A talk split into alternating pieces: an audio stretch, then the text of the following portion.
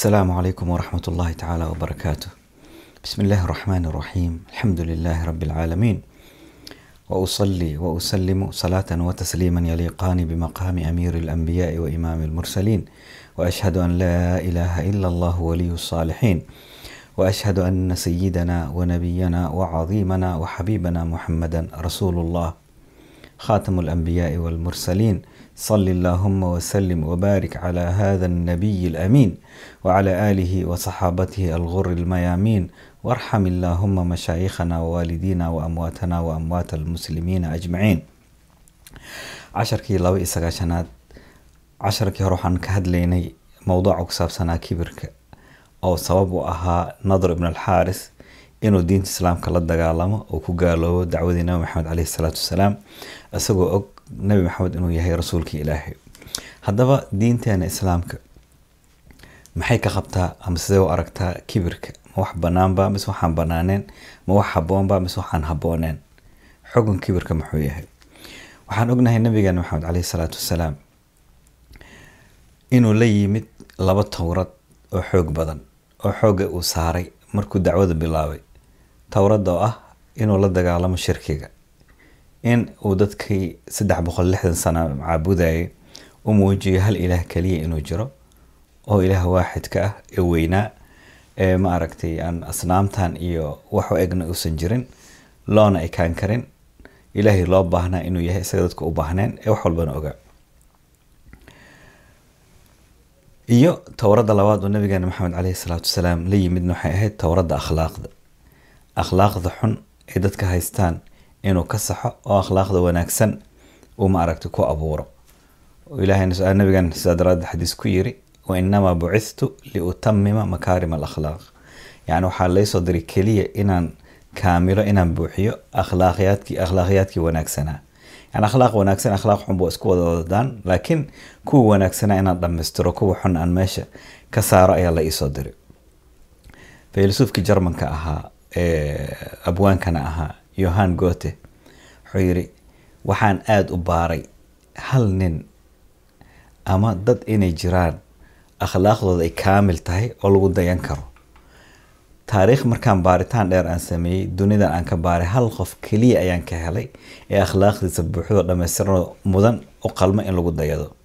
Kaana waa maxamed ibnu cabdillaah nabiga carabta loo soo diray nabi maxamed caleyhi salaatu wasalaam. Ilahayna qur'aankiis ku ammaanay wa innaka la calaa khuluqin cadiim yacni waxaad leedahay akhlaaq aada iyo aada u sareyso oo u qiimo badan oo u weyn. Annagana ilaahay uswa noogu dhigay ee logula talagal inaan ku dayano sidaa daraaddeed imaam abubakar albayhaqi kitaabkiisa dalaa-il wuxuu ku soo wariyey nabigeena maxamed caleyhi salaatu wassalaam oo ka soo wariyey cali bn abi aalib radia allahu can. Nabi maxamed isagay abubakar inay isku raaceen inay qabiilada qaar u bandhigaan dacwadii ama diinta u gudbiyaan. Markii ay soo gaareen qabiilkan lagu magacaabo bani shaybaan ibnu thaclaba ayay la kulmeen madaxdooda ugu waaweyneed qaar ka mid ah oo ka mid ahaa hani ibnu qabiisa iyo xaarisa ibnu nucmaan iyo mafruuq ibnu camr. Mafruuq ibnu camr ayaana ugu aftahansanaa ugu caqli badnaa ugu xigmad badnaa. Markay la fadhiisteen ay wada sheekeysteen abubakarna wuxuu ku xeel dheeraa qabiilada carabta ay qabiiladii ka sheekeysteen ayaa waxaa u soo baxday raggan inay yihiin dad quraysh ah. Markaa waxay ku yiraahdeen quraysh hadaa tihiin waxaa naloo sheegay dhexdiin inuu ka soo baxay qaf nebinimo sheeganayo arrintiisa maxay tahay? Abubakar wuxuu yiri waa ninkaani ag fadhiyo. Waa ninkan ila socday ag fadhiyo. Waa ninka maaragtay nebiga ah. Marka ayaa mafruuq ibnu camr oo aftahankooda ahaa caaqilkooda ahaa ku yiri yaa akhal carab walaalkeena carabo muxuu yahay waxa aada la timid? Noo sheeg nabigan caleyhi salaatu wasalaam markaa wuxuu dooray aayad qur'aan inuu ku akhriyo. Aayado marka xolan lahaa qofka xigmadiisa meesha ayaa lagu ogaadaa iyo waxyaabaha ugu weyn ama dacwada ugu weyn uu la yimid nabi maxamed maxay ahayd oo dadkan u akhrinayo wuxuu yihi acuudu billahi min ashaytaan arajiim bismi illaahi araxmaani araxiim qul waxaad ku tiraahdaa nabi maxamedow tacaalow atlu maa xarama rabukum calaykum. Waxaan idin akrin kaale dhegeysta waxaan idin akrin rabbigiin wuxuu idinka xaaraantimeeyey anlaa tushrikuu bihi shay-a inaad ilaahay ilaah kale aan lala caabudin taasoo caqiidadii wabilwaalidayni ixsaanan markiiba fiiri akhlaaqdii iyo mucaamalaadkii ayuu u soo gudbay waalidiintiina in la wanaajiyo walaa taqtuluu awlaadakum min imlaaqin naxnu narsuqukum wa iyaahum caruurtiinana faqri darteed ha u dilinina caruurtooda way dili jireen markii gaajo timaado gaajo darteed iyo faqri daraadeed caruurtiina ha u dilinina sababtoo ah iyaga adinkii iyagaba anagaa risqigan idin siin risqigana ilaahi subxaanahu watacaala ayaa idin hayo walaa taqrabu lfawaaxisha maa dahara minha wamaa batan xumaanoo dhan ha u dhowaanina tii muuqatay iyo tii qarsooneyd walaa taqtulu nafsa alatii xarama allahu ilaa bilxaq. Nafsadii ilaahay xaaraam ka dhigay in la dilana ha dilinina. Dadka marka nabi maxamed ku tilmaamaya inuu dhiigii cab ah dadka dili jiray. Aayadahanuu la yimid nafsadiina yaan la dilin dhiiggii hala badbaadiyo dalikum wasaakum bihi lacalakum tacqiluun taas ayuu ilahay idinkaga dardaarmay waxaad mudan tihiin inaad caqli yeelataan oo caqligiina isticmaashaan ood ku fahamtaan fiir yani wuxuu u muujiyey towxiidka ilaahay akhlaaqdii wanaagsaneyd caqligiina in la ixtiraamo oo wanaagiisa yacni wixii wanaagsanaa lagu arka caqligii filosoofkii ingiriiska ahaa bertrand russell wuxuu yiri waxaan akhriyay bibleka oo dhan inta aan xasuusto waa bertrand russell hadalkuu leeyahay. Bibleka idil waa inta aan ka xasuusto yiri hal kelmad kuma arkin ee qiimo u yeeleyso caqliga iyo fikirka. Laakiin qur'aanka waxaad ku arkaysaa meelo badan caqliga in la isticmaalo.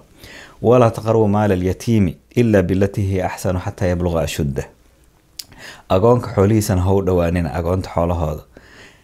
Ilaa tii habkii ugu wanaagsaneed yani inaad ganacsi u gelisaan xoolaha u sii badisaan mooyaane xoolahooda ha cuninina ilaa oo ka qaangaaro oo maaragtay caaqil ka noqdo mas'uuliyaddii lacagtiisa isaga xambaari karo. Wa awfu lkayla walmiisaan miisaanka dadka markaa waxu cabiraysaan khiyaanaha sameynina oo si fiican si wanaagsan u miisaama bilqist si cadaalada u miisaama laa nukalifu nafsan ilaa wuscahaa nafsad kuma kalifna ilaa waxay awooda mooyaane. Yani dadku waxa u muujinayay waxyigan uu la yimid oo waxay nafsada awoodo inay xambaarto. Wa idaa qultum haddaad hadlaysaan arrin aad facdiluu cadaalad sameeya facdiluu walow kaana daa qurba xataa haddaad qaraaba tihiin yani dadka cadaalada loo sheegayo waa dad ku faani jiray markaa dulmiga dad u arki jiray dadka dulmiga iska ilaaliyo oon yani dadka aan dulminayn inay yihiin qabiilada liito qabiilada la yaso ee liito ama langaabta aanan ku tilmaaman anaga waxay ku tilmaami jireen qubayilatun waa qabiilo yar laa yakfiruuna bidimmatin balan kama baxaan qabiilada yar balan kama baxaan. Walaa yadlimuuna annaasa xabata khardali. Dadkan dhibic yar ma dulmiyaan. Yacni waa dad liito dadka noocaas oo kale. Ah qabiilada adag waxaa lagu yaqaanaa dulmiga. Waxaa lagu yaqaanaa dadka inay cabiidsadaan hogaansana yani u hogaansanaadaan say yiraahdeen mala'na albara xataa daaqa cana wanaxnu albaxra namna'uhu safiina. Barigii waa buuxinay. Dad qabiil tiro badan ayaan nahay. Ilaa barigii cariir nagu noqdo badihiina waxaan ka buuxinay doomaheeni idaa balaga radiicu lana fitaaman canugii naasnuuga ahaa markuu naaska ka go-ana takhiru lahu ljabaabiru saajidiina madaxda u sujuudaysa sababto qabiil xoog lahanahay oo dadka adoonsan karo marka nabigan ilaahayna qur'aankan ayuu ku akhriyo idaa qultum facdiluu walow kaana daa qurba haddaad hadlaysaan cadaalad samey xataa haddii aad qaraaba tihiin qofkaas oo dulmi hadduu sameeyey dulmigii ka celiya wabicahdi illaahi awfuu ballantii ilaahayna oofiye dalikum wasaakum bihi lacalakum tadakaruun taas ayuu idinkaga dardaarmay waxaadna mudan tihiin inaad xasuusataan. Wa ana hada siraatii mustaqiima fattabicuuh walaa tattabicu subula fatafaraqa bikum can sabiilih. Dalikum wasaakum bihi lacalakum tattaquun. Tanna waa wadadii toosneed ee raaca ee haraacina waddooyinka kale lunsan. Wadada toosan waa waddada akhlaaqda. Markaasuu ku yiri mafruuq ibnu camar wallaahi hadalkan hadal bini aadam ku hadla ma aha. Waa naqaanaa anaga hadalada bini aadamka ay ku hadlaan. Ih yaa akhal carab ii kordhi wax kale ii akhri. Wuu ka helay. Markaasuu nabigan calayhi salaam yiri bismi illaahi araxmaani araxiim ina allaha ilaahay ya'muru bilcadli waalixsaan cadaalad iyo wanaag ayuu dadka amray. Wa iitaa'i dilqurba iyo qaraabadan in la xiriiriyo. Wayanhaa wuxuun dadka reebo can ilfaxshaai waalmunkari waalbaqyi xumaanta iyo munkarka iyo dadka isku xadgudbaan isdulmiyaan. Yacidukum bihi lacalakum tattaquun. Taas ayuu ilaah idinkugu taliyey idinkugu waaniya ilaahay ka baqa. Marka ayuu mafruuq ibnu camr wuxuu yiri hadalkan hadal bini aadamku hadla ma aha waana hadal ay dhibsanayaan madaxda.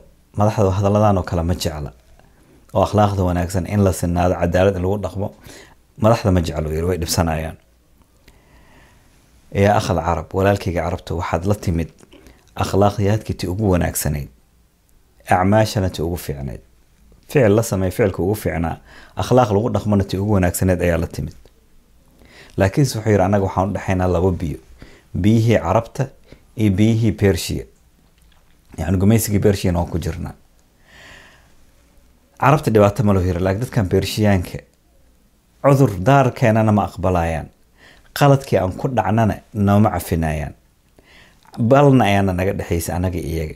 Inaan soo dhaweynin inaan ku dhicin wax bidco ah oon diinteenan ka bixin. Kii bidco la yimaadana ama wax cusub la yimaadana inaan soo dhaweynin. Marka dhibkaasaana haysta.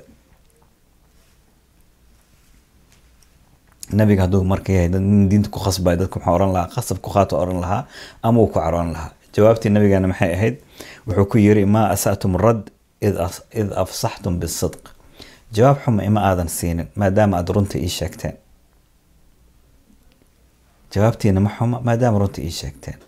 Wuu ugu mahadceliyey soo dhaweyntood iyo jawaabta inay u wanaajiyeen uwana ka soo tagay. Isagoon diinna ku khasbin. Kana xumaaneen nabigeena caleyhi salaatu wasalaam. Marka yani waxaan ku keenay qisadaas nabigeena inuu la yimid dacwadiisa in ahayd akhlaaqda wanaagsan dadka inuu ugu yeero. Haddaba akhlaaqda wanaagsan maadaama dadka ugu yeerayay akhlaaqiyaadka bini aadamka lagu abuurana ay ka mid tahay saan hore u soo sheegnay isla weynida iyo kibirka diinta islaamka maxay ka tiri? Qur'aanka aayado badan ayuu noogu sheegay kibirka inaysan banaaneen inuu xun yahay. Saddex mowqifna qur'aanka uu noo cadeeyey tan oo ah inaysan banaaneen inuusan ilaahay jeclaan ilah wuxuu yihi inahu laa yuxib almustakbiriin. Ilahay ma jeclo dadka isla weyn ilahi wuxuu yihi walaa tamshi fi lardi maraxan dhulka ha ku dul socon adigoo isla weyn. Inaka lan takhriq alarda dhulka ma duleelin kartid markaad soconaysid. Walan tabluqa aljibaala tuula. Buurahan dherer kuma gaartid. Maxaa iska weynaysiina marka? Ilahi haddana aayad kale wuxuu ku yihi walaa tusacir khadaka linnaas. Dadka wejiga dhabarkaaga ha aadinin adigoo iskagala weyn. Walaa tamshi fi lardi maraxan dhulkana ha dul socon adigoo isla weyn. Ina allaha ilaahay laa yuxibu ma jecla kula mukhtaalin qof walba isla weyni ku jirto oo fakhuurin faan jecel marka isla weynida yacni tan koowaad waa inay maaragtay banaaneen tan labaad ilaahi subxaana watacaala wuxuu kuu sheegay in qofka isla weynida ku jirto qalbigiisa towfiiq iyo hidaayad iyo hanuun uusan helaynin xataa hadduu muslim islaamnimo sheeganayo ee isla weyn ilahi wuxuu yihi saasrifu can aayaatiya aladiina yatakabaruuna fi lardi bigayri lxaq aayaadkayga waxaan ka leexin dadka isla weynada ku jirto oo dhulka isugula weyn. Kadalika yatbacu allahu calaa kuli qalbi mutakabirin jabbaar. Kadalika yatbacu allahu calaa kuli qalbi mutakabirin jabbaar. Ilaahay saas ayuu u xiraa qalbi walbo oo isla weyni ku jirto oo jabbaar ah. Marka dadka isla weyn qulubtoodana way xiran yihiin. Ilaahayna ma jecla wax banaanna ma aha tan saddexaad ilahi wuxuu noo sheegay ahlu inay yihiin dadka isla weyn. Fadkhuluu abwaaba jahannama khaalidiina fiiha falabi'sa mathwa almutakabiriin gala albaabadii jahanama kuwa adigoon ku waarayo waxaa hoy xun noqday naartii jahanama waxay hoy u noqotay dadka isla weyn. Aayado dhowra way ku yimaadeen dadka isla weyn inay naarta jahanama galayaan walciyaadu billah marka taas waxay ku cadaysay qur'aankeena kariimka ahaa inuusan marnaba ogoleyn isla weynida nabigeena caleyhi salaatu wasalaam wuxuu ku yiri lan yadkhula aljannata jannada ma geli doona man kaana fii qalbihi mithqaalu xabatin min khardalin min kibr qof qalbigiisa ku jira dhibic yar oo isla weyne ah jannada ma geli doono qofka waa ahlu naar walciyaadu billah haddaba isla weynida maxay tahay imaam xujat lislaam abi xamed alghazali qadas allahu sirah kitaabkii saxiix culuum diinka markuu ku sharxay isla wuxuu ku yiri waa kibirka waa dabeecad gudaha ku jirta. Daahirkiisana actionka qofka ka muuqdan waxaa lagu tilmaama mutakabir waa qof isla weyn. Kibirkana qalbiga ayuu ku dhacaa. Khuluqun fi nafs wuxuu yiri waa dabeecad nafsada ku jirta wa huwa alistirwaax walrukuun ilaa ru'yati nafs fowqa almutakabari caleyh yacni nafsadaada inaad murtaax ku tahay ood isku malaysid inaad ka saraysid qofkaa iska weyneysiinaysid yacni qofka wuxuu isku arkaa dadkan kale inuu ka qiimo badan yahay uu ka sareeyo. Isla weynadan waxay ku bilaabataa suu abi xamed alghazali yiri marka hore qofka isaga inuu iska helo. Iska helidda kuma xirna marka dad inay kula joogaan. Kaligaa meel aad ku nooshaa xataa laga yaabo inaad tahay qof isku bogbogsanoo iska helay. Isla weynada waxay timaadaa markaad khalqi kale la kulantid kuwa ayaa iska saraysiinaysa. Ilaahayna mar hore ciribta ka jaray arrintaasuu yiri huwa aclamu bikum id ansha'akum min alardi waid antum ajinatun fi butuuni ummahaatikum falaa tuzakuu anfusakum huwa aclamu biman ittaqa. Ilahay isaga ee idinka og. Markaad aheedeen dhicis cuurkii hooyadiis ku jiro. Isaga ciidana idinka abuuray. Ee ha is ammaanina ha isku bogboginina ilahay isaga unbaa og kii ilaahay ka baqaya ka cabsanaya markayaysan ku sirin acmaashaada haddaba isla weynada todoba meel ayay maaragta ka timaadaa todoba waxyaabood ayaa sabab u noqota qofka inuu iska weynaysiiyo. Labana waa diin shanna waa adduunyo. Diintana waa cilmiga qofka inuu cilmigiisa ka helo isku bogbogo oo dadka u malaya inuu ka khayr badan iska saraysiiyo. Iyo cibaadada qofka cibaadada badan isku malaya dadka inuu ilahay ugu dhow yahay maadaama cibaado badan uu sameeyey ee dadka uu ka khayr badan yahay ama tii adduunyada waa nasabka. Qofka nasabkiisa inuu ku faano u malaya qofkan kale inuu ka fiican yahay ka seeraysiiyo waa quruxda. Qofka inuu quruxdiisa ku kadsoomo waa awoodda uu leeyahay qofka inay kadiso oo dadka kale ka tabaryar inuu ku liido. Waa xoolaha taajirnimadii qofka inuu arko faqiriinta inay ka liitaan iyo markuu qofka haysto taageero badan. Taana inay liido taasna inay maaragta ku abuurto isla weynadii annaga marka shantan dunida shaqo ku maliyan qofkan qofkii maaragtay adduunye ahaan wixii u arkay. Laakiin tan ugu weyn maanta ugu daran waxa weeyaan isla weynida markay tahay isla weyni diineed. Qofka isagoo wadaad ah ha noqdo caalim ama caabid ha noqdo haddana isla weyne uu xambaarsan yahay. See ku dhacday xaggeese noogu timid isla weynada diineed. Isla weynada diineed waxay ka timid haddii dadka ay ku fikiri lahaayeen ogaan lahaayeen waxay ahayd waagii cahdigii nabigeena caleyhi salaatu wassalaam. Xadiiskan waxaa soo wariyey imaam abu yacla almuusili kitaabkiisa musnadkiisa ayuu ku soo wariyey. Waxaa soo wariyey imaam axmed bin xambal iyo imaam albazaar iyo imaam daara qutni. Waxaa laga soo wariyey anas ibnu malik saxaabigii ahaa. Wuxuu yihi waagii nabigeena caleyhi salaatu wassalaam waxaa jiray nin mar walba noo raaci jiray markii jihaad loo socdo khasawaad loo socdo kadibna keligiis iska cibaadeysan jiray aada u cibaado badnaa. Ilaa aan anaga oo dhan ugu aragno inuu naga kheyr badan yahay naga cibaado badan ilaahay noogu dhow yahay. Nebiga ayaa ninka u sheegnay u tilmaamnay. Nebiga marka wuu garan waayo. Maalin maalmaha ka mid ah ayuu wuxuu soo galay ninkii masjidka marka markuu soo dhawaaday soo socday ayaa nabiga u sheegnay. Luu yiri ninkan waay ninka aan ku ammaanaynay aan ku tilmaamaynay inuu yahay nin naga kheyr badan. Nabiga markuu wejigiisa arkay ayuu wuxuu yiri ninkan wejigiisa waxaa igaga muuqata labadiis indho dhexdooda sujuudda waxaa igaga muuqata gubadkii shaydaanka. Safcatu shaytaan. Safca waxaa lagu tilmaama markay meelkaa gubato calaamad ay ugu tagto. Gubadkii shaydaanka ay igaga muuqata ninkii wuu dhaqaaqay haleegu yeero yiri ninka waa loo yeero wuu yimid. Wuu soo istaagay asxaabta way fadhiyaan nabiga wuu fadhiya isaga wuu taagan yahay. Markaasuu nabiga ku yiri ilaahan kugu dhaarshay niyadda ma iska tiri. Intaan meesha fadhido adigaa ka kheyr badan. Intaan meesha fadhido adiga ayaa ka kheyr badan. Markaasuu yiri allaahuma nacam. Uu yiri haa yiri ilaahu sax yacni waa waa waan is iri waxaan isku haystaa inta meesha fadhidoo dhan inaan ka kheyr badnahay. Kadib ninkuu ka dhaqaaqay nabiga caleyhi salaam asxaabtiis. Gees gaar ayuu istaagay.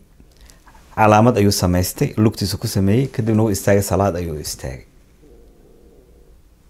Marka ninka waxaa arkaysaa marka ugu horeyso cilmigan psychologiga culamada psychology ku tilmaamaan inuu yani cudurkan lagu magacaabo megalomania.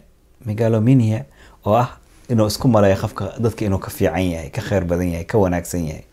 Wanin wuxuu ahaa megalomania ah. Waxaa u sii dheeraatay asxaabtuu ka dhex baxsanaa. Dadka ma dhexgelaynin gaar ahaan oo cibaadeysanaya antisocial personality disorder ayay ku tilmaamaan qofka noocaas oo kale ah. Waa cudur saya nafsi ah. Labadaas cudur nafsiba ninkan way ka muuqatay waa nin megalomania ah iyo waa nin antisocial personality disorder qabo. Dadka inuu ka baxsanaada jeclaada. Marka nabigeena caleyhi salaatu wasalaam wuxuu yiri gooni markuu baxay u cibaadeysanay nabigeena wuxuu yiri ina haada huwa awalu qarnin yakhruju fii ummati.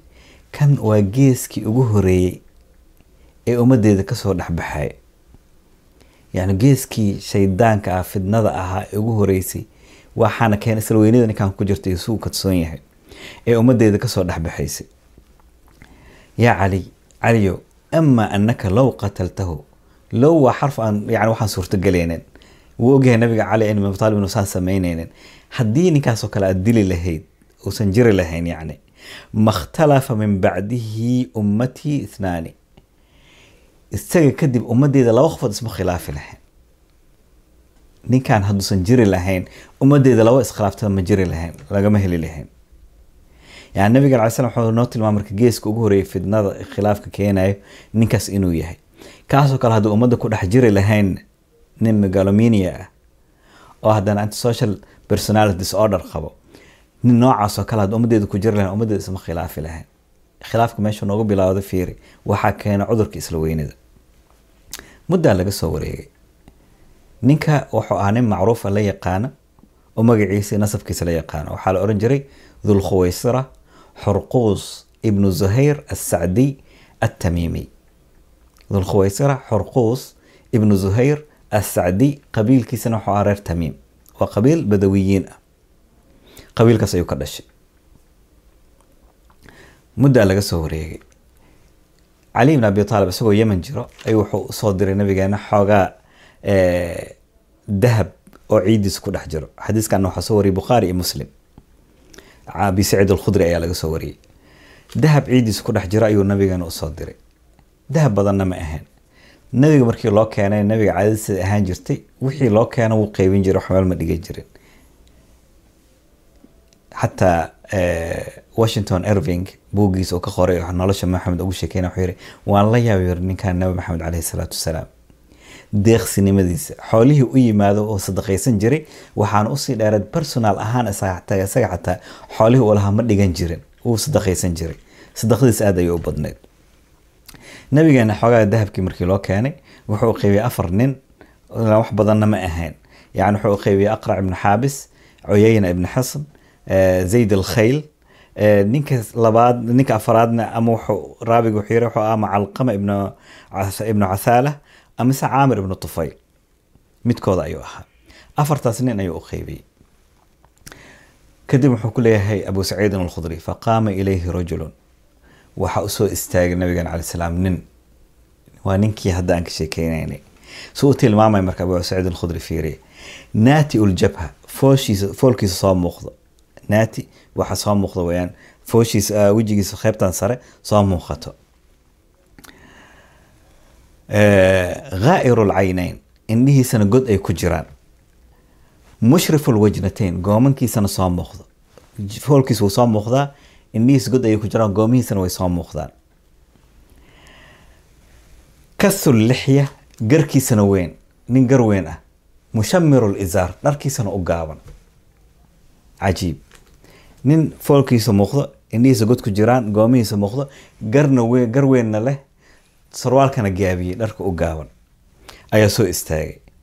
Fa qaala markaas wuxuu ku yidhi yaa muxamed ninkii waaya maxamedow ittaqi illaaha wacdil ilaahay ka baq ee cadaalad samey maanta cadaalad ma aadan sameynin marka nabigeena calayhi salaam wuxuu yidhi aniga haddaan ilaahay ka baqin yaa ilaahay ka baqaaya aniga haddaan cadaalad sameynin yaa sameynaya ninkii uu ka dhaqaaqay. Salaad ayuu istaagay. Uu ka tagay nabigan hadalkaas ayuuna ka hadlay wacdil. Markaasaa ninka isagoo sii socdo ayuu nabigeena calayhi salaam eegay. Asxaabtii wuxuu ku yiri yakhruju. Waxaa ka soo dhexbixi doona min di'di'i. Haadaa ninkan dhabarkiisa yani ninkan faraciisa waxaa ka soo dhexbixi doona ninkana qabiilkiisa yuu yahay tamiim bani tamiim weyaan taa i xifdiya. Hadhow ayaan ku soo laaban doonaa arrinkan. Ninkan dhabarkiisa faraciisa waxaa ka soo bixi doona oo nabigan caleyhi salaatu wasalaam yiri rijaalun rag yaqra'uuna alqur'aana qadan qur'aanka waxay akrinayaan sida isagoo hadda soo degay oo kale. Qur'aanka yacni way tajwiidayaan codkii way ku luqeynayaan way laxneynayaan yani xoogay saaraan axkaamtiisa. Yamruquuna min addiin kamaa yamruqu sahm min alramiya diintana waxay ugu dhexbaxayaan sida fallaarta meesha lagu gama ugu dhexbaxaysa diinta islaamka way ka dhexbixi doonaan. Uma laa yacuuduun ilayhi xataa yacuuda sahmu fii fuuqi. Mana ku soo laabanayaan marka diinta haday ka baxaan ilaa falaarta ay ku soo laabato meesha ay ka baxday.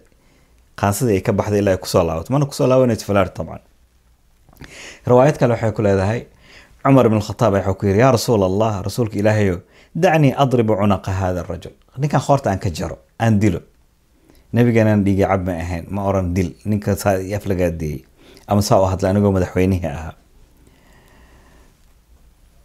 faqaala cumar faqaala nabigan cala slam wuxuu ku yidhi yaa cumar cumarow dachu iska daa fa ina lahu asxaaban wuxuu leeyahay asxaab isaga ka dambeyso ayidsan yaxqiru axadakum qofkiina wuxuu liidayaa salaatahu ilaa salaatihim. Salaadiisa iyaga u dukanayaan oo kale.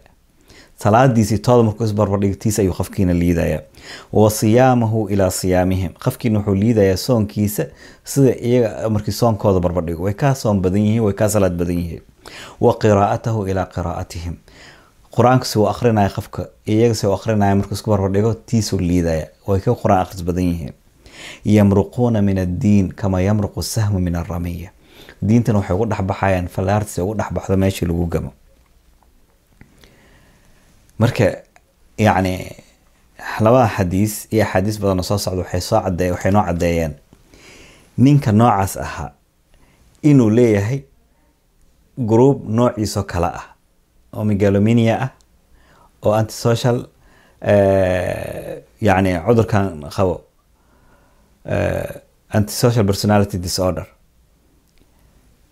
noocyadaasoo kale ah inay yihiin. Wuxuu kaloo noo cadeeyay ninkan isagana faraciisa inay saas ka soo bixi doonaan kuwa noocaas oo kale ah. Waagii saxaabadan waxaa soo baxeen qolyahan lagu magacaabi jiray alkhawaarij. Badanaa culamada qaar markay xadiiskan sharxayan waxay ku tilmaamaan un khawaarijti oo cahdigii saxaabada soo baxeen. Waa kuwii dilay cusmaan ibnu cafaan waa kuwii dilay cali ibn abi taalib. Oo asxaabta la dagaalameen asxaabta gaalaysiiyey oo maaragtay waxay ahaayeen dad fidno wada laakiinse nabigeena caleyhi salaatu wasalaam wuxuu inoo caddeeyey dadkaas inay weligooda jiri doonaan aysan ku ekeen waagii saxaabada. Xadiiska ibni maaja soo wariyey nabigeena caleyhi salam wuxuu leeyahay laa yazaaluuna yakhrujuuna. Yani mana baaba-aya inay soo baxaan. Way soo bixi doonaan mar walbo kulamaa kharaja farqun qutic markii koox soo baxdaba waa la jari doonaa waa la cirab jari doonaa.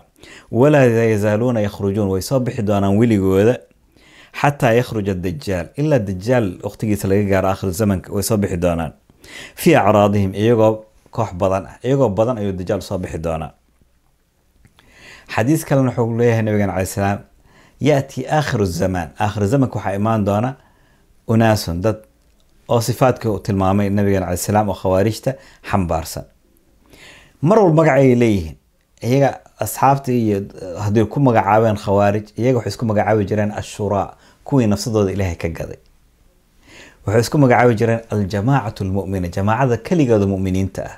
Waxaanoo kale dhan way qaldan yihiin. Caqiidadooda sax maaha way qaldan yihiin way lusan yihiin. Anaga keligeena ayaa waxaa nahay muminiin dhab ah oo sax ah. Marka labada xadiis aan soo sheegay waxay noo caddeeyeen inay weligooda jiri doonaan laakiin ay leeyihiin calaamado isku xiraysa kuwii hore iyo kuwa cusubba qof walba waxaan jeclahay maanta maskaxdiisa inuu furo caqligiisa isticmaalo si uu ogaado annagana inay hadda nagu dhex jiraan khawaarij cusub. Khawaarijtii hore iyo khawaarijta haddana meelo badan iska leeyihiin. Kuwii hore hadda isku magacaabeen aljamaacatu almu'mina kuwaan haddana maxay isku magacaabaan? Waxaan nahay naxnu assalafiyuun salafiyiinta ayana waxaan ku dayanaa asxaabtii nabigeena caleyhi salaatu wasalaam khawaarijta casriga iyo kuwii hore wa yacni meelo badan ay iska leeyihiin saan hadda soo qaadan doono marka kuwaan salafiyiinta badana waxay yidhahdaan xadiistan waxay ku saabsanaayeen khawaarijtii sababta ma rabaan in xadiiska in loo muujiyo inay waxaan weligood socon doonaan ilaan iyaga ayaa soo galaya marka kuwaasna waxay oran jireen annaga kaliya muminiin ah. Kuwaana soo kale waxay leeyihiin muminiinta dhabta ah waa annaga. Inta kale o dhan hadday yihiin ashaacira hadday yihiin maturidiya hadday yihiin suufiyiin kulli caqiidadu way khaldan tahay tan saxda annagu unbaa haysana sannadkii soddon iyo toddobaad hijri ka hor ma jiri jirin cid cid ku tirahda gaal ayaa tahay. Iyaga ayaa bilaabay inay saxaabada qaar ay gaalaysiiyaan. La male haddii nebiga ninkaan saas u u yiri yaa muxamed maxamed oo cadaalad samee isagoo islaamka sheeganayo dukanaya cibaadaysanayo kuwa kale maxaa ka sugaysa inay asxaabtii ay dilaan kuwooda dambe inay culammada ka waaweyn xataa ay liidaan oo aflagaadeeyaan. Waa meelo iska leeyihiin. Calaamadahooda nabigan markii la weydiiyey calaamadaha lagu yaqaano maxay yihiin? Wuxuu yiri nabigan calay salam siimaahum calaamadaha lagu yaqaano waxaa ka mid uu yiri ataxliiq inay timaha xiiraan. Watasbiid timaha inay xiiraan ama hadday timo leeyihiin timahooda aysan ka shaqaynin timaha yani nabigan sunnadiis wuxuu noo sheegay qofkii timo ilaahay siiyey timaha ha karaameeyo ha mayro saliid ha mariyo ha shanleeyo. Iyaga laakiin quruxda kama fikiraan isma qorxiyaan yani nabigan markuu kibir ka sheekeynayay qays ibnu thaabit ibnu shamaas saxaabiga ku yiri ya rasuul allah aragtid? Waa ii jeedaa nin labis jecel ayaan ahay ma kibir ba markaasuu yiri taas kibir ma aha. Saxaabi kale wuxuu ku yiri ya rasuul allah qofkan wuxuu jecel yahay labiskiisa inuu quruxsanaado kabihiisana quruxsanaado. Taas kibir miya nabiga wuxuu uga jawaabay ilahay wuu qurux badan yahay quruxda ayuu jecel yahay. Laakiin kibirku waa dadkoo la liido waanadan oo la diido. Marka dadka khawaarijta waxaa lagu yaqiinay sifada koowaad oo ahayd inaysan quruxdooda ka shaqaynin. Timaha xiraan ama timaha haday leeyihiin timahooda saliid aysan marinoon maaragtay ay faraha ka qaadin ay faraha ka qaadaan. Calaamada labaad ee lagu yaqiina waxay ahaayeen kuwaas waxay ahaayeen dad badawiyiin ah alacraab. Sababta waxay u badnaayeen laba qabiil bani bakr iyo bani tamiim tamiim bakriyiinta bani bakr waxay ahaayeen laba qabiil reer baadiye ah reer miyi ah badawiyiin ah. Waa ujeedin khawaarijta casrigana inay u badan yihiin badawiyiin. Oo xataa ibn cabdilwahaab markuu dacwadiisa la yimid sheekh maxamed zaahid alkowthari wuxuu yiri dacwa waa ku faafi kartaa dacwadan dadka aad adag iyo dadka badawiyiinta ah. Dadkaas ayaa sahal u qaadanaya. Marka dadkan waxay ahaayeen dad acraab badawiyiin ah bani bakr bani tamiim ah. Sidoo kale waxay lagu yaqiinay lagu khawaarijtii hore waxay ahayn dad qabiilistayaal mutacasibiin ah. Qabyaalada lafaha ka gashay. Sababtoo maamulkooda dhan markaad fiirisid hal nin oo cajam ama soo marin iyaga unbaa isxukumi jiray. Imaam ibn abi xadiid kitaabkiisa markuu sharxay nahjulbalaaqa wuxuu yiri gabar gabdhahooda ka mid ah ayaa nin waxaa soo doontay aan carabtooda ahayn. Markaas kulligood yidhahdeen fadeexo weynay noo tahay gabadheen inaan ku darno inaan ahayn. Qabiilistayaalna way ahaayeen. Wadaadadeenana soomaaliya waa ku aragteen qabyaalada jeebka waa lagu wata xataa haddii maaragtay wadaadanimo sheeganayaan oo cibaado ay sameynayaan sifada afaraad oo nabigaanu ku tilmaam waxay ahayn xudathaa asnaan dad dhalinyar ah dad waayeelo ah bislaaday oo khibrad lahoo caqligooda majuur ahoo degan oo caqli ku xisaabtamaya ma aysan ahayn. Waxay ahayn dad dhalinyar ah.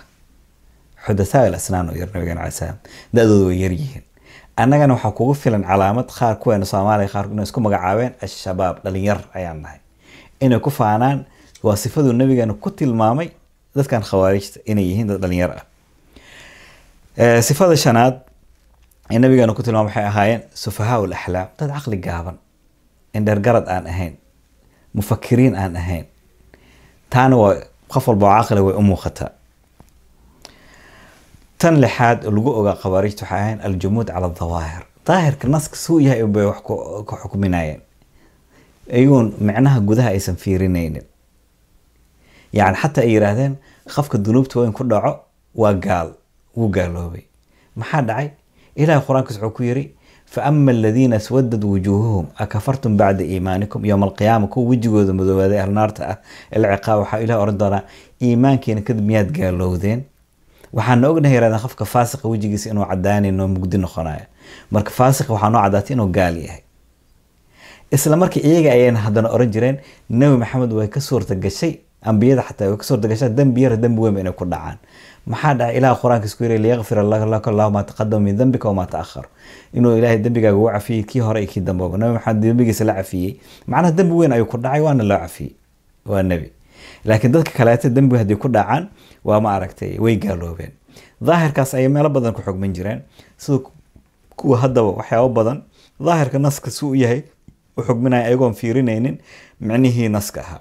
Sababtoo ah ilaahay qalbigooda markuu kibir ku jiro in fii suduurihim ilaa kibr ma hum bibaaligiih ma gaaraya saasrif can aayaatiya aladiina yatakabaruuna fi lardi bigayri alxaq dadka isla ku jirta aayaadkayga waan ka leexiyay ilahay markuu qur'aan ku yiri mufasiriinta qaar waxay yidhahdeen aayaadka lagama leexiya macaani fahamkii aayaadka ayaa laga leexiya qalbigooda qalbiga ayaa isla isbogbogid ku jira marka iyaga waxay ahayn khawaarijta dad yani daahirka jaamidiin ku noqdo sidoo kale waxaa lagu ogaa khawaarijta muslimiinta inay gaalaysiiyaan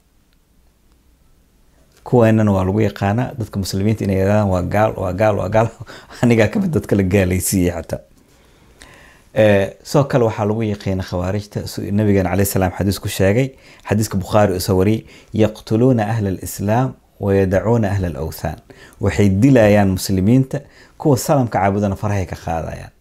Khawaarijta casrigan ayay ku mashquulsan yihiin muslimiintu bay ku mashquulsan yihiin cadowga islaamka kuma mashquulsana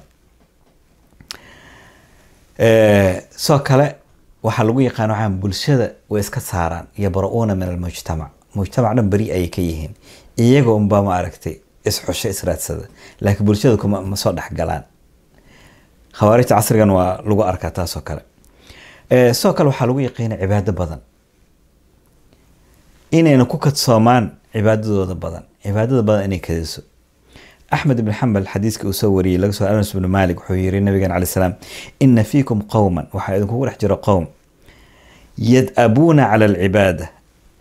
Waxay caado ka dhigtaan cibaadada mar walba masaajidkii salaadii way dukanayaan masaajidkii way camirayaan xataa yucjaba bihim annaas ilaa dadka ay la yaabaan ka helaan dadkan cibaadadooda badan. Wayucjabuuna bianfusihim iyagana iska helaan. Dadkana way ka helayaan iyagana way iska helayaan intaa ma ku ekeyay nabigan caleyh salaam. Maya wuxuu yiri yamruquuna min addiin kamaa yamruqu sahm min aramiya diinta way ka dhexbaxayaan sida fallaarta bay ugu dhexbaxdo meeshii lagu tuuray. Xadiis kale nabigeena caleyhi salaatu wasalaam uu soo ibnu mubaarak kitaabkii zuhd waraqaa'iq wuxuu ku leeyahay yakuunu qowmun waxaa imaan doona qowm yaqra'uuna alqur'aan.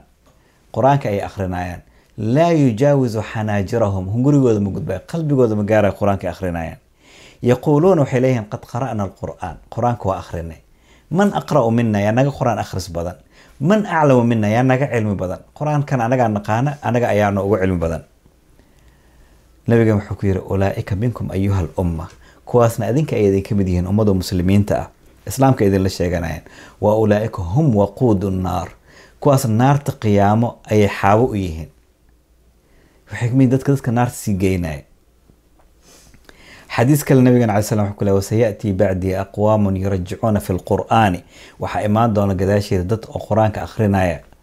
Tarjiica alghinaa'i wannawxi waalcawiil yani sida heesta loo celceliyo ama loogu cawaado ama la isku oys way is oysiinayaan way ku celcelinayaan aayaddii qur'aankii saas u akhrinayaan.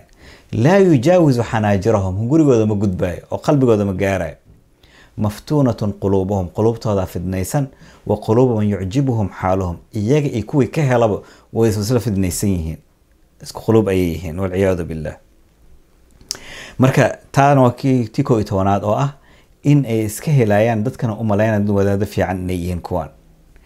Arrintaasna waxay ahayd subxaan allah nabigan hore ayuu sheegay khawaarijtana waxaa banaankaas u dejiyay ninkii yahuudiga ah cabdullaahi ibnu saba alyahuudi wuxuu ku yiri dadku waxaad ku dhex gashaan bulshada inaad wanaagga amartaan xumaanta ka reebtaan. Cibaado badanna dadka tusa. Bulshada idin hogaansamaysa bulshada markaad hogaansataanna awoodda bulshada waxaad ku ridaysaan maamulkii ugu dambeynna maamulka adinka ayaa qaban doona madax noqon doona. Waa run bulshada?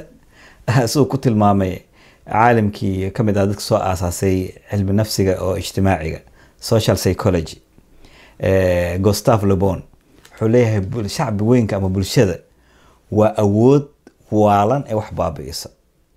Bulshada waa awood waalan ee wax baabi'in karta. Charlie chaplin jilaagan wuxuu yiri bulshada waa bahal kun madax leh oo maaragta wax wax walba cuni karo. Bulshada marka waa awood wax lagu baabi'in karo. See bulshada loo qabsadaa ninkan wuxuu ku yiri marka cibaadada badsada wanaaga dadka amra dadka waa qalbigooda ad kasbanaysaan markaana dowladda ku kaca la dagaalama. Waxaad ku tirahdaan shareecada aad ku xukumaysaan xa- sax ma aha shareecada islaamka rabna soo celino. Waa sida hadda ay sameeyeen khawaarijta casriga. Marka nabigeena calayhi salaam marka sifada kale uu ku tilmaamay waxay ahayd laba iyo tobanaad yadcuuna ilaa kitaab illah walaysuu minhu fi shay. Yacni dadku waxay ugu yeerayaan kitaabka ilaahay. Kitaabka ilaahay aan ku dhaqano iyaga naftirkoodana kuma dhaqmaano nabigeena calayhi salaam yiri. Kitaabka ilaahay beenta ayuu naga reebay. Beentii way sheegaan. Dhici ayuu naga reebay. Way isdhacaan. Qabyaaladnimadu ayuu naga reebay. Way qabiilaystaan been abuuradka ayuu naga reebay kitaabka ilaahay. Waa aragnaa si ugu been abuurtaan dadkii. Kooda uu yiri toddoba boqol gabdhood oo aidis wada dhacay oo meel ku xaraysan ayaan waxaa ku soo arkay ingiriiska oo been abuurad cad ah. Wayna isagala wen yihiin khaladkooda inay ka soo laabtaan. Marka yani nabigeena calay salaam wuu noo sheegay yadcuuna ilaa kitaab xadiiskan waxaa soo wariyay imaam axmed ibn xambal iyo imaam abu daawuud. Sheekh alalbani wuxuu yihi waa saxiix. Kitaabkay dadku ugu yeerayaan iyagana kuma dhaqmaayaan. Tan kale nabigeena calay salaam wuxuu yihi yuxsinuuna alqowl wa yusii'uuna alcamal hadalka ayay wanaajinayaan waa aftahano markay hadlayaan markay wacdinayaan way is oysiinayaan way jilayaan qaylinayaan oo aftahano markay wacdinayaan. Laakiin camalkoodana ma- fiicna camalkoodana waa xun yahay. Akhlaaqdii oo nabigeena la yimid ma xambaarsana xadiiskaasna waxaa soo wariyay imaam axmed ibn xambal iyo imaam abi daawuud. Marka sifaadkaasoo dhan waa sifaadkii khawaarijtii hore iyo khawaarijta casrigana ay lahaayeen. Nabigeena calay slam waxba nagama qarinin marka wuxuu yihi fidnada ugu horeysa geeska ugu horey fidnada waa yani geeskaas khawaarijta xagga ka soo baxay weyaan weligiisana wuu socon doonaa ilaa yowm alqiyaama laga gaaro. Haddaba marka khawaarijta casrigeena say ku bilaabatay. Taana waxay ku cadaynaysaa nabi maxamed caleyhi salaatu wasalaam rasuulka ilaahay inuu yahay xaqan wa sidqan. Sababta maxay tahay? Sababta xadiiskii hore aan soo sheegnay aan niri ninkan dhabarkiisa waxaa ka soo bixi doona dadkan sifaadkan leh. Ninkan yuu u dhashay wuxuu u dhashay bani tamiim qabiilkiis tamiimi ayuu ahaa. Taa waa mid. Xadiis kale imaam bukhaari uu soo wariyey. Nabigan caleyh salaam wuxuu yiri allaahuma ilaahow baarik lana fi shaamina wa yamanina. Ilaahu noo barakay shaam. Shaam waa falastiin iyo suuriya iyo urdun iyo lubnaan. Shaam iyo yeman ilaahu noo barakay asxaabta qaar waxay ku yidhahdeen wa fii najdina yaa rasuul allah najd waa qeyb sacuudi ka mid ah riyaad iyo agaaraheeda. Najd iyo xijaas ay kale sacuudiya najdina yaa rasuulallah noo u duceey inuu ilaahay noo barakay nabigu wuxuu ku celiyey ilaahu shaam iyo yeman noo barakay wa fii najdina yaa rasuulallah najdigeenana rasuulka ilaahayow yacni u ducee nabigeena caleyh salaam wuxuu yiri hunaaka zalaazilu walfitan najdiga aad sheegaysaan riyaad iyo eryadeeda ah waxaa ka soo bixi doona fitnooyinkii iyo dhulgariirkii. Yacni dunida dhan way gelgeli doonaan. Fitna ka soo bixi doonta. Wa bihaa yatlacu qarna shaytaan. Geeska shaydaankana meeshaas ayuu ka soo bixi doonaa. Nabigeena wuxuu noo sheegay kun iyo afar boqol sano ka hor. Kun iyo laba boqol sano markii laga soo wareegay najdiyaa ka soo baxay dhulkaas riyaad agaaraheed waxaa ka soo baxay maxamed ibn cabdilwahaab attamiimi oo isku qabiil ay yihiin xurquus dulkhuwaysra xurquus ibnu zuhayr attamiimi. Maxamed ibn cabdilwahaab ibnu suleymaan attamiimi say ku bilaabatay khawaarijta casrigeena najdigiina ayuu ka soo baxay. Qabiilkii tamiimna wuu ka dhashay oo nabigeena yiri ninkan dhabarkiisa waxaa ka soo bixi doona dad noocaas ah najdina waxaa ka soo bixi doona geeskii shaydaanka. Halkaas ayay noogu soo baxeen. Meesha ayay ka soo bilowdeen in laga joogo laba boqol iyo soddon sano in ku dhow ama meel agaaraha meelahaas oo kale ayay noo bilowdeen khawaarijta casriga sifaadkaas aan soo sheegnay iyo sifooyin badanna way iska leeyihiin kuwii hore iyo kuwii dambaba. Culamadii horena way ka digi jireen. Culamo walbana casrigooda markii la soo gaaro way ka digi jireen. Soo nabigeena sheegay markii qarnigooda soo baxabo waa la jaraa haddana way soo baxayaan un yani waagii saxaabadana sidoo kale cali bin abi taalib iyo rag badan ayaa ka hor yimid. Inkastoo cali shahiid uu ku noqday ee si dhagar ay u dileen. Haddana afar qarni kadib waxay ka soo baxeen dhanka morocco yacni haddana sidoo kale waa laga horyimid weligooda way soo baxaan way baaba-aan way soo baxaan way baaba-aan. Dadkan waa lagu fidneeyaa waa meesha ay naga soo gashay cudurka isla weynada wadaadadaas wahaabiyiinta ama salafi isku tilmaamaan ama khawaarijta casriga ah ka hor ma maqli jirteen toddobaatan meeyadii lixdan meeyadii wadaad isla weyn. Kibir ku jira may wadaadada mutawaadiciin ayay ahaayeen haddana sidoo kale waxaa lagu yaqiinay khawaarijta dad khilaaf jecel khilaafka dhexdoodana jamaacad u kala daadiyey imaam almaqrizi kitaabkiis wuxuu ku sheegay toddoba iyo labaatan firqa inay u kala baxeen iyagii annaga weligeen waxaa maqli jirin shaaficiye maalikiya xanafi. Ma maqli shaaficiyadoo kala sii jajabtay waa maya. Maqli jirteen qaadiriyadoo kala sii jajabtay waa maya. Laakiin khawaarijta casriga iyaga kala sii jajabay kuweena soomaaliya waxaa ku arkaysaa shabaab waxaa ku arkaysaa al ictisaam waxaa ku arkaysaa salafiya aljadiida ha noqoto fikrad ahaan waa isleeyihiin fikir ahaan laakiin camalkii shabaabkan wuxuu ku leeyahay haddaan horumarinaynaa qolyahan waxay leeyihiin maya ciqaabta anaga waxaan ka dhigaynaa markaan xukun gacan aan ku dhigno. Laakiin laba kulligood xukunku way u socdaan. Waxay kala jabaan tacasubkii qabiilka daraadiis qabyaaladii way ku jirtaa. Sidai reer tamiim bani bakr soo kale qabiilisyaal u ahaayeen kuwaana qabyaaladii way ku jirtaa xataa dhexdooda qabiil ayaa kala jebiyey kuweena soomaaliya dadka yaqaano way la socdaan waxaan haysanaa ictisaam waxaan haysanaa salafiya aljadiida maxay kala duwan yihiin? Farqi weyn uma dhexeeyo waxay kala duwan yihiin? Waa qabiil. Wixii fikirkii khawaarijka xambaarsanaa ee daaroodka ah waxay noqdeen ictisaam. Fikirkii khawaarijka kuwii xambaarsanaa ee hawiyaha ah waxay noqdeen salafiya aljadiida laakiin waa isla dadkii. Waa isla fikirkii. Marka sidaa daraaddeed way jiri jireen wayna jiri doonaan sifaadkaasna sifooyin badan waa iska leeyihiin. Diinta islaamkana waxyaabaas o dhan beri ayay ka tahay. Diinta islaamka quruxda ma diidin iyaga quruxda way ka soo horjeesteen. Diinta islaamka isla weyni ma qabto iyaga isla weynada ay xambaarsan yihiin nabigan salam wuxuu yihi ina axabakum ilaya wa aqrabakum minii yowma alqiyaama. Axaasinukum akhlaaqan kuwiinaan ugu jeclahay ee yowma alqiyaama ii dhow waa kuwiina akhlaaqda wanaagsan ma oran kuwiina cibaadada badan iyo wixii la mid ahaa. Wa ina abcadakum minii ina abqadakum ilay abcadakum minii yowma alqiyaama kuwiina yani aan ugu necbahay igana fog yowma alqiyaama wuxuu yiri atharsaaruun kuwa hadalka badan weyaan almutashadiquun kuwa markay hadlayaan afka buuxiyo khayliyo jilo hadalka.